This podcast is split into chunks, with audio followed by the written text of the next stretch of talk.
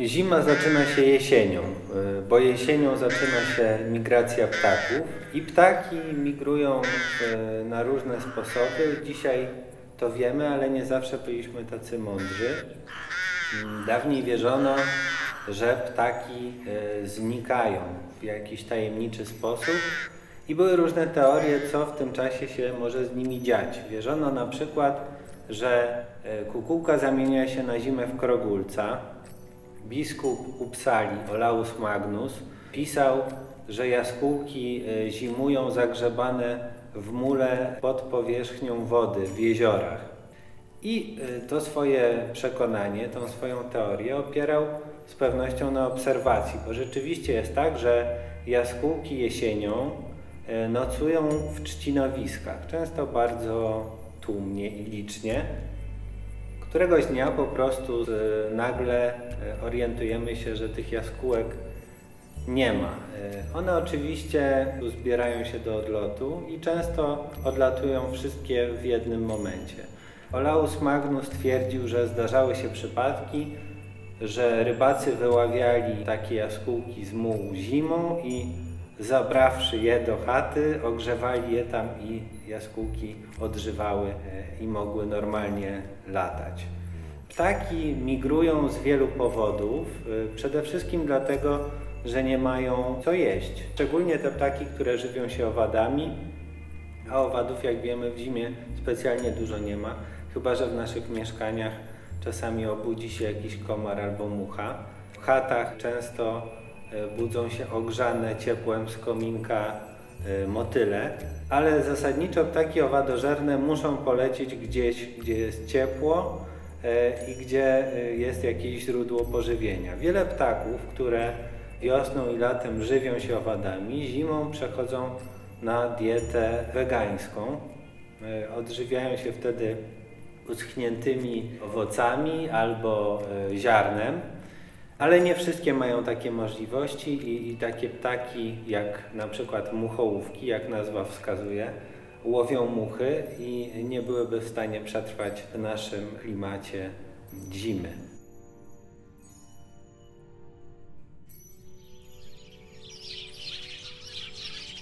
Ptaki szukają jedzenia, wędrując, ale oczywiście też uciekają przed zimnem, no bo Zima to zimno, nie wszystkie ptaki dobrze znoszą niskie temperatury. Dlaczego ptaki wędrują i jak to się dzieje, że wiedzą, żeby wędrować? To jest też takie pytanie, na które długo szukamy odpowiedzi. Ptaki wędrują z kilku powodów. Te ptaki, które zaczynają wędrówkę najwcześniej, one prawdopodobnie mają wbudowany jakiś rodzaj zegara biologicznego, który y, wywołuje u nich rodzaj takiego niepokoju, który zaczyna się latem i na przykład zmusza je do tego, żeby więcej jadły, nabierały masy, nabierały energii na, na te trudy y, wędrówki. Uruchamiają się jakieś y, hormony, które każą ptakom zwyczajnie jeść. Ale są ptaki, które nie lecą wcale bardzo daleko i one czekają po prostu na taki czas, kiedy rzeczywiście już jest trudno im przetrwać w miejscu, w którym są i wtedy dopiero decydują się na wędrówkę. No bo musimy sobie zdać sprawę, że migracja to jest wielkie ryzyko i wiele ptaków bardzo z nią zwleka.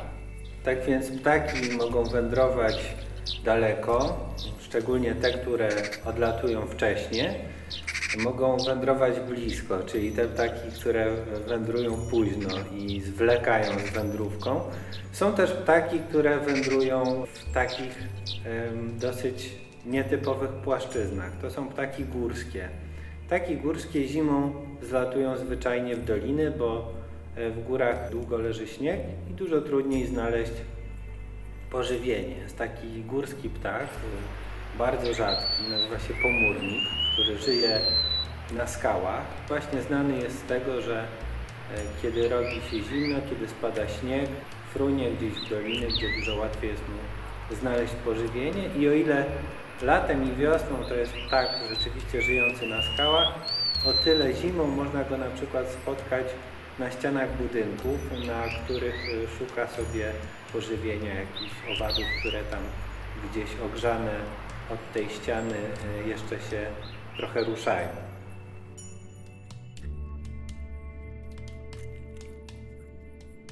Zimowe strategie przetrwania są bardzo różne.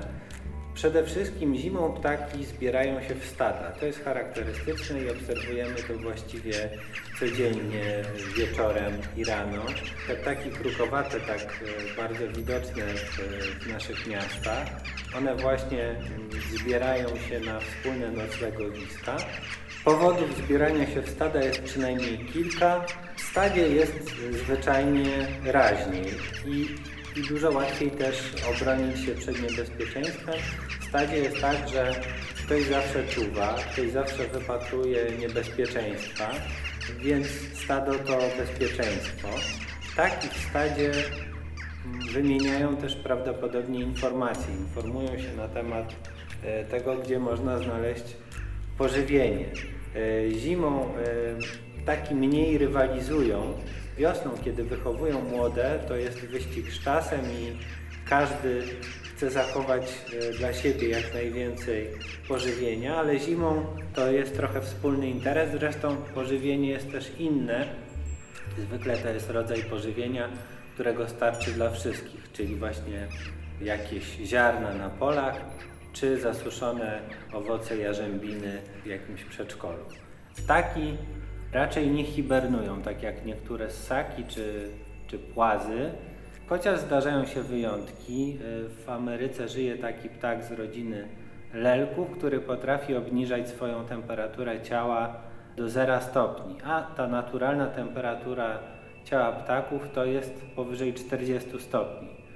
A drobne ptaki, takie nawet spotykane w Polsce, ogrzewają się w inny sposób, szczególnie nocą, kiedy jest najzimniej i nie można też się na, najadać. Ogrzewają się ciepłem ciała swoich towarzyszy. Na przykład strzyżyki potrafią stadnie nocować w budkach lęgowych. Znajdowano takie budki, w których spało po kilkadziesiąt strzyżyków. I zwyczajnie jeden na drugim, jeden przy drugim ogrzewały się właśnie ciepłem swojego ciała i dużo mniej tej energii przez noc y, traciły. Drobne ptaki potrafią jeszcze obniżać swoją temperaturę ciała, y, często na przykład o 10 stopni. Już wtedy te straty energii są dużo mniejsze. Im mniejszy ptak, im mniejszy organizm, im mniejsze zwierzę, tym szybciej traci ciepło. Jest to związane z tym, że te drobne organizmy Y, są bliżej powierzchni, które je wychładzają. Więc y, to jest taka prosta fizyczna zasada. Często y, zwierzęta żyjące w zimniejszym klimacie są trochę większe niż ich odpowiedniki żyjące w klimacie ciepłym.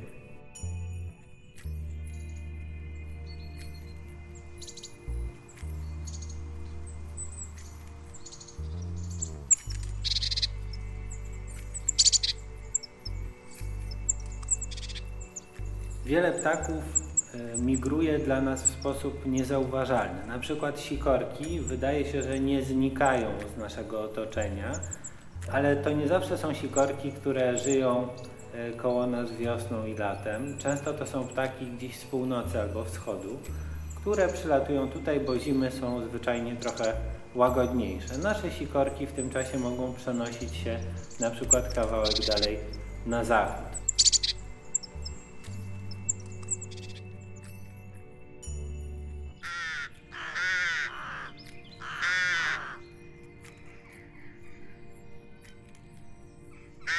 Tak samo jest y, w przypadku chociażby gawronów. Nasze gawrony lecą gdzieś na południe, blisko, powiedzmy do Czech albo na zachód do Niemiec czy Francji, a do nas przylatują gawrony z terenu Rosji czy krajów y, bałtyckich.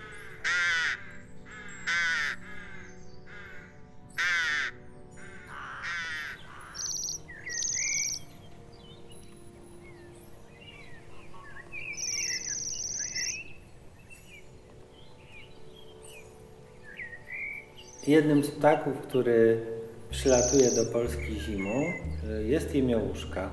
Jemiołuszka, którą wszyscy znamy, przynajmniej Z nazwy, mm, z wyglądu jest charakterystyczna, bo ma czubek i jest pękata, ale jemiołuszka to jest ptak, y, którego wcale nie tak łatwo zaobserwować, bo lubi sobie siadać wysoko na drzewach. Przelatuje w dużych stadach, ma taki głos podobny do e, dzwonienia jakimiś dzwoneczkami.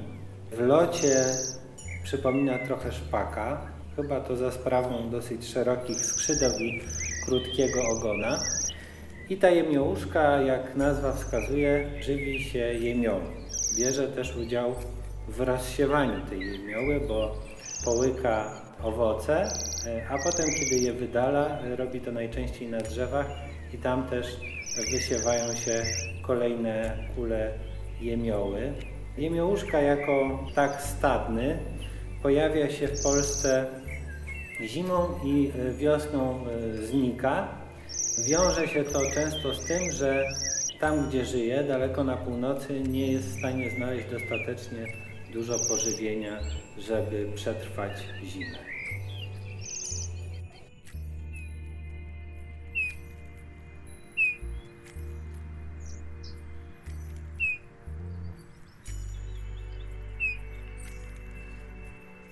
Jednym z ptaków, które pojawiają się zimą w Polsce jest gil, ale pewnie nie wszyscy wiemy, że gil to jest ptak, który zwyczajnie żyje też w Polsce przez cały rok. Spotkamy gile głównie w miejscach, gdzie rosną lasy iglaste, w górach, ale też na przykład na Mazurach.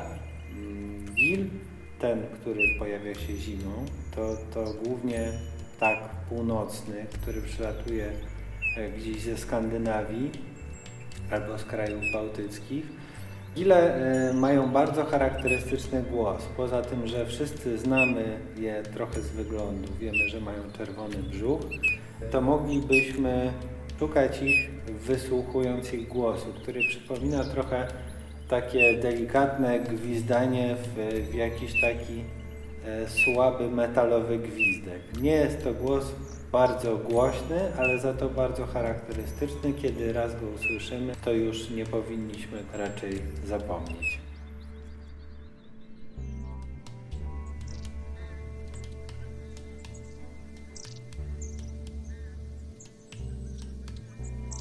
Taki ptak, który często e, pojawia się w statkach i możemy go spotkać e, zimą, e, to raniuszek. Nie jest to może zupełnie typowy zimowy ptak, bo raniuszki są owadożerne, więc kiedy robi się naprawdę zimno, nie znajdują wystarczająco dużo pożywienia i muszą lecieć gdzieś, gdzie jest trochę cieplej, ale zimy ostatnio w Polsce są tak słabe, że raniuszki możemy spotkać przez cały rok.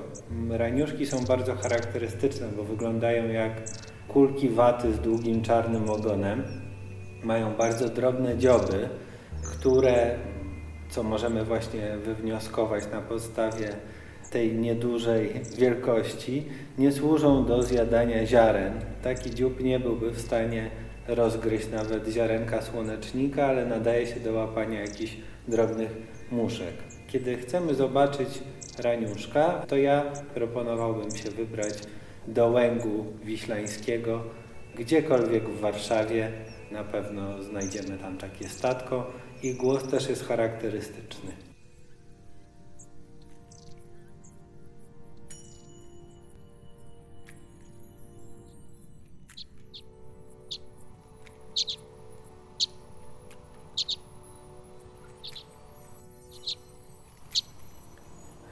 Ptakiem, który masowo pojawia się w Polsce zimą e, jest czeczotka.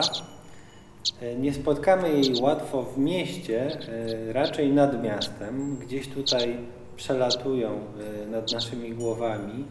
Czeczotki żyją również w Polsce, na takich terenach, które przypominają im ich naturalne tereny występowania gdzieś daleko na północy. Czeczotki polskie żyją w górach, w górach, których są skały, czyli w Karkonoszach i w Tatrach i e, są ptakami takiego pustego, raczej tundrowego krajobrazu.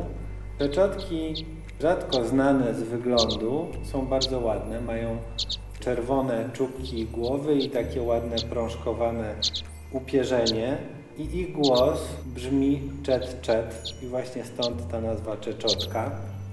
Nazwa czeczotka nie pochodzi wcale od czeczotkowego forniru na meblach, tylko właśnie jest wyrazem dźwiękonaśladowczym.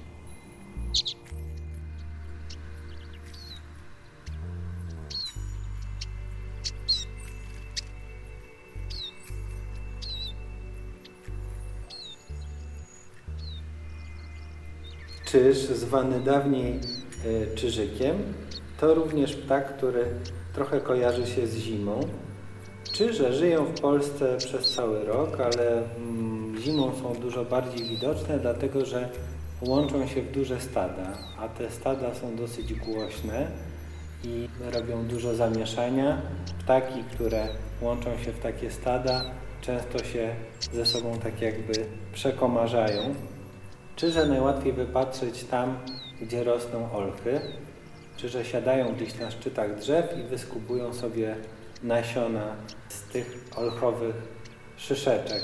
No bo czyże y, należą do tej samej rodziny co czeczotki i żywią się właśnie nasionami.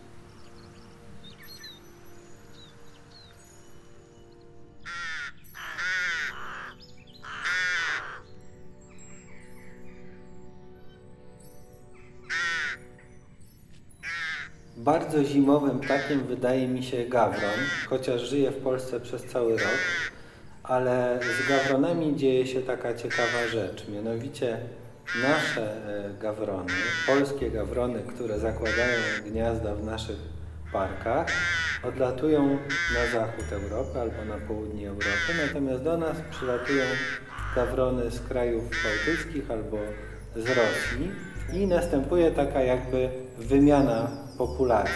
Mamy poczucie, że, że te ptaki ciągle są koło nas, ale to nie są dokładnie te same ptaki. Gawrony mają taki zwyczaj, że nocują w stadzie, więc często wieczorem możemy obserwować takie zimowe zgrupowania gawronów, które gdzieś tam krążą po niebie i szukają miejsca na nocleg. Zawsze wybierają takie y, miejsca, gdzie są stare drzewa i to są najczęściej stare parki albo cmentarze. Gawrony y, często kojarzą się i są mylone z krukami i wronami, ale mm, chociaż należą do tej samej rodziny, y, to zwyczaje mają trochę inne. Często żerują na ziemi i wybierają spod powierzchni ziemi na przykład różne larwy i poczwarki różnych owadów, więc można powiedzieć, że są sprzymierzeńcem człowieka, walcząc z różnymi szkodnikami.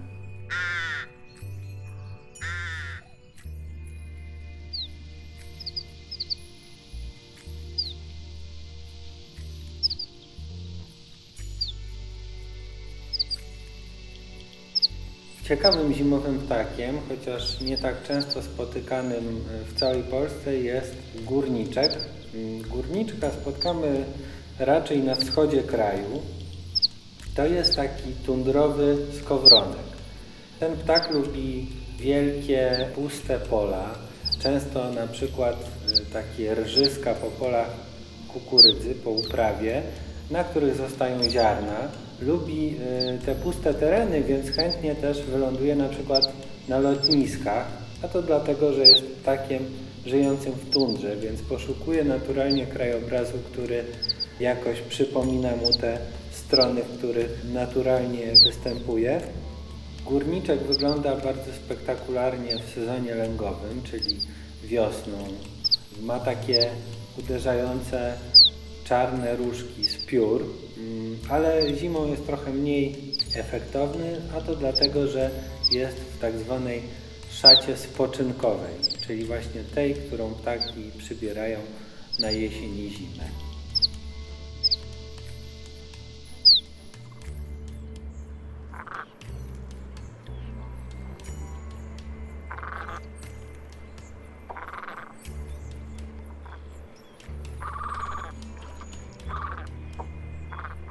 Kiedy myślimy o ptakach, które przylatują zimą do Polski, myślimy najczęściej o drobnych ptakach wróblowatych, ale przylatują tutaj też inne ptaki, na przykład y, różne kaczki. To są kaczki, które żyją daleko na północy. Jedną z takich kaczek jest uchla. Kaczka, która żyje właśnie gdzieś daleko w północnej tundrze czy tajdze, ale przylatuje na zimę e, na Bałtyk. Zimuje nad naszym morzem, ale często zdarza jej się zalecieć gdzieś w głąb lądu. Czasami trafia się też w Warszawie, można ją spotkać na Wiśle. To jest ciekawa kaczka, która żeruje głęboko, głęboko pod wodą, e, wybiera tam sobie różne morskie skorupiaki albo ślimaki. Uchla jest ptakiem narażonym na wyginięcie i e, od stanu e, Bałtyku, od tego, żeby był jak najmniej zanieczyszczony, zależy między innymi przetrwanie uchli.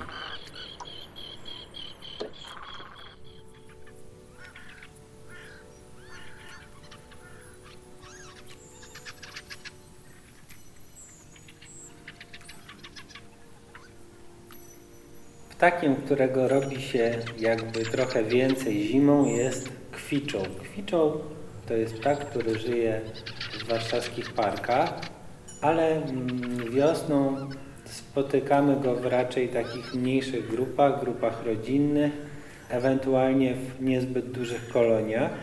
Natomiast zimą łączy się w bardzo duże stada i wędruje między parkami. Często możemy zobaczyć, jak przelatuje gdzieś wysoko nad budynkami. Kwiczoł to jest ptak związany z sadami i drzewami owocowymi. Dlatego, kiedy dokarmiamy ptaki, warto wyłożyć zawsze pokrojone na połówki czy ćwiartki jabłka. Na pewno skorzystają z nich kosy czy właśnie kwiczoły. Nazwa kwiczoła pochodzi właśnie od jego dziwnego głosu, bo kwiczą w pewnym sensie pokwikuje. Można powiedzieć, że ten głos rzeczywiście przypomina kwiczenie.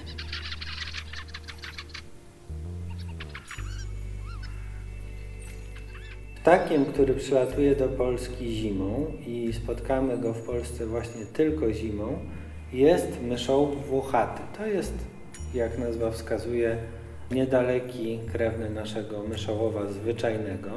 Myszoł włochaty jest dużym północnym drapieżnikiem, większym niż nasz myszołów i stosownie do tego lata trochę wolniej i dostojniej.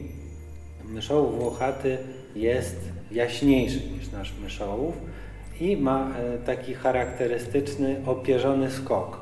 Można by powiedzieć, że ma właściwie takie pierzaste nogawki. Ma też jasny ogon, biały, szczególnie kiedy widzimy go z wierzchu, zakończony takim e, szerokim czarnym pasem.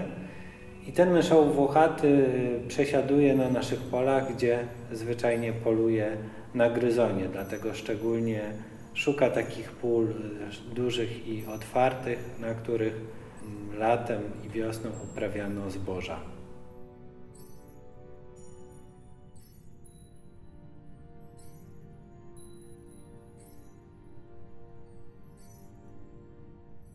Zimą ptaki są trochę inne niż wiosną i latem, e, bo zmieniają się ich zwyczaje.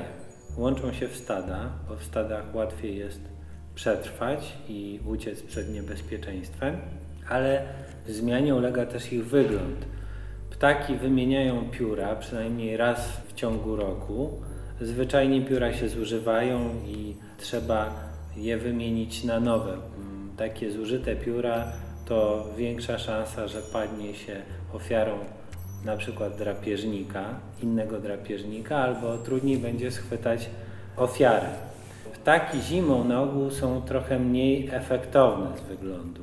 To znaczy ich pióra są raczej bardziej szare i upodabniają je e, do otoczenia. Wiosną wyglądają bardziej spektakularnie, bo szczególnie samce chcą się pokazać od jak najlepszej strony samicą. Kolejna różnica między ptakiem zimą a ptakiem wiosną czy latem, a szczególnie wiosną, to to, że ptaki zimą nie śpiewają. Nie usłyszymy tych długich y, piosenek, tych treli, tych kląskań i wszystkich tych dźwięków, które kojarzymy z wiosennym parkiem zimą. Zimą ptaki porozumiewają się wyłącznie takimi głosami, które nazywamy głosami kontaktowymi. To są głosy, które e, informują pobratymców o położeniu ptaka albo informują o tym, że na przykład nadciąga jakieś niebezpieczeństwo. Wtedy to są głosy alarmowe, ale takiej wiosennej piosenki zimą raczej nie usłyszymy, chyba że przeciąga się ten czas, że jest ciepło i pogoda jest słoneczna. Wtedy niektóre ptaki zaczynają nieśmiało podśpiewywać, ale to śpiewanie rzeczywiście pełnym głosem zacznie się dopiero gdzieś pod koniec marca i w kwietniu.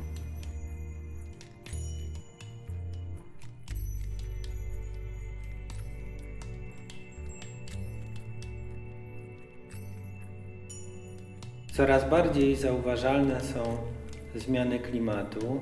E, wszyscy widzimy, że nasze zimy zaczynają przypominać coraz bardziej przedłużającą się jesień. I oczywiście te zmiany wpływają również na ptaki. Wiele ptaków skraca swoje trasy wędrówek, niektóre właściwie przestają wędrować. Możemy to obserwować na przykładzie żurawi. W 2020 roku, w styczniu, obserwowałem żurawie latające nad polem mokotowskim. To jest zjawisko, które 10 lat temu było trochę nie do pomyślenia. Ale wszyscy zaczynamy się przyzwyczajać do tego, że świat się zmienia i ptaki również dostrajają się w jakiś sposób do tych zmian. Dla wielu ptaków to zresztą wygodne. Zwyczajnie dalekie podróże są ryzykowne i zawsze wiążą się z niebezpieczeństwami ale niestety te zmiany klimatu powodują też zmiany w środowisku, które dla ptaków nie są korzystne. Jesienią 2020 roku w Stanach Zjednoczonych na południowo-zachodnim wybrzeżu obserwowano takie zjawisko, że w ciągu kilku dni ptaki masowo padały martwe w bardzo wielu miejscach i wiązało się to z tym, że w tym regionie e, przez całe lato trwały susze. W związku z tym one miały jesienią mało pożywienia, nie mogły znaleźć pożywienia. Dodatkowo jeszcze rozpętały się tam bardzo nietypowe dla tego regionu, szczególnie w tym czasie, burze śnieżne. Dlatego te głodne ptaki, wycieńczone wędrówką, dużo łatwiej padały ofiarą tego chłodu, zimna i tych podmuchów wiatru i śniegu i zwyczajnie padały z wycieńczenia.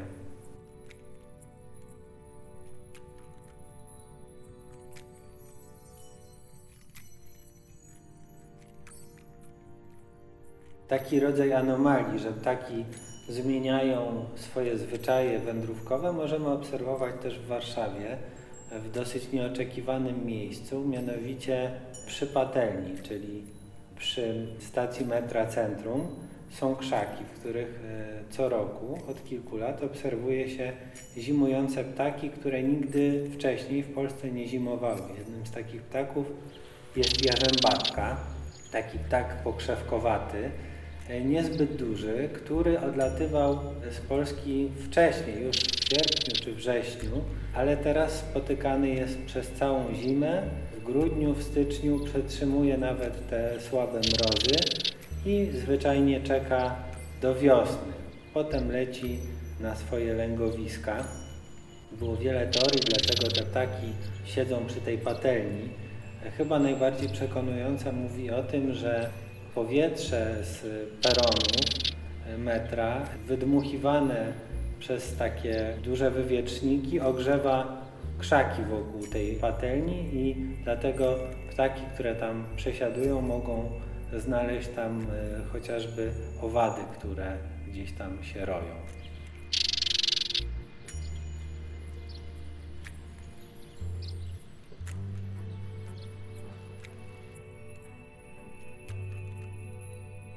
Dokarmiać ptaki czy nie dokarmiać ptaków? To jest takie pytanie, nad którym często wszyscy się zastanawiamy, bo mamy też poczucie, że Zimy są coraz słabsze i być może ptaki tak bardzo nie potrzebują naszej pomocy.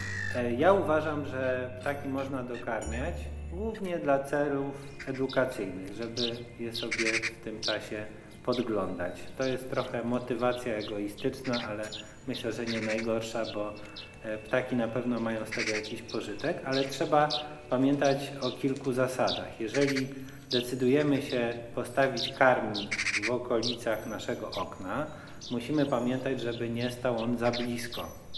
Wiele ptaków spłoszonych rozbija się właśnie o szyby, startując z karmnika.